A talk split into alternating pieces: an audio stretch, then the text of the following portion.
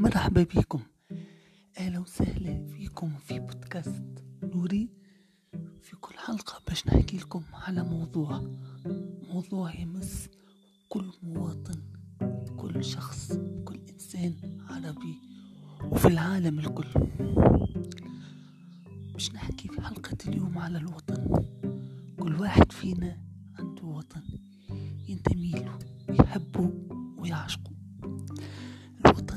إحساس كبير. ما يحس به إلا المحب والمخلص الوطن فينا شكون يعيش في بلاده بين أهله وناسه. يتخيل أنه يكره هذا الوطن ويرغب في مغادرته. مهما كان جنسيته ولكن بعد الهجرة يحس أنه يحب بلاده ويتمنى يرجع لها خاصة بعد ما يسمع غنية. ريحة نعرف صوتي خايب. الغنية هذه هي غنية يعشقها كل مغترب خرج من بلاده. طوعا أو كراهية بحثا عن فرص أفضل ببلد آخر. العالم العربي مجروح. ينزف دم. يبكي. يصرخ بصوت ولا بصوت عالي. ما تستمع إلا آهات للآهات المهاجرين. وما ترى إلا دموع اليتامى. والثكالة والأرامل في كل بلاد فيها حرب. فلسطين سوريا العراق اليمن وغيرها. وفي كل دولة فيها أزمة سياسية واقتصادية خانقة كما بلادي تونس ولبنان وغيرهم. وطني بلادي عليه صار هكا عليه كل شيء أسود إلا الذكريات بقات بيضك الحليب. عليه سود قلوبنا ومروا عيشتنا.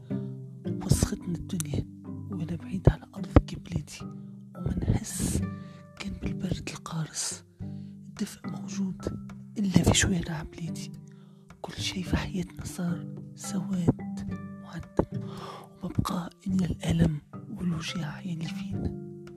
ولكن ما نيأسوش ما نكلوش ما نملوش. فبلادنا راجعة باش تنور من جديد. الحروب باش توفى لا محالة والأزمات باش تتعدى.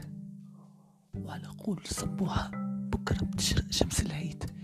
لأنه هذه هي إرادة الشعوب يلي تقبل الظلم والفساد والدمار والحروب والأزمات.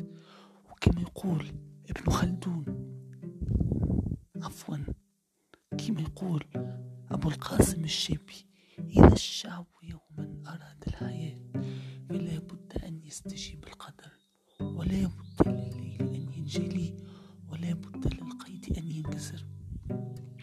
وهذا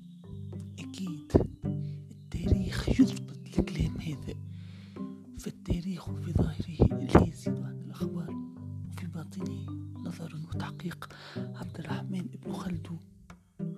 والنشيد الوطني التونسي زاد يقول فلا عاش في تونس من خانها ولا عاش من ليس من جندها نموت ونحيا على عهدها حياة الكرام وموت العظام.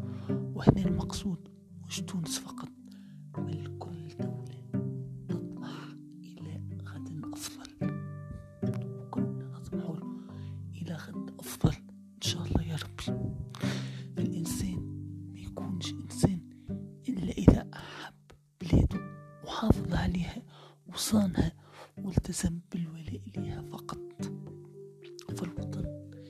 نشبهه بالأم الحنون يلي ما تفرقش بين ولادها يلي تجمعهم ما تفرقش ما بيناتهم.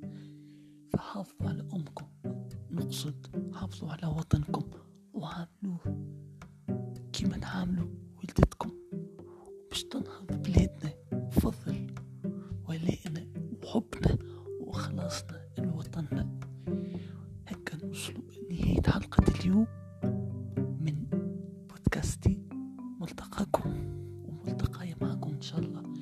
في حلقة جديدة. باي باي.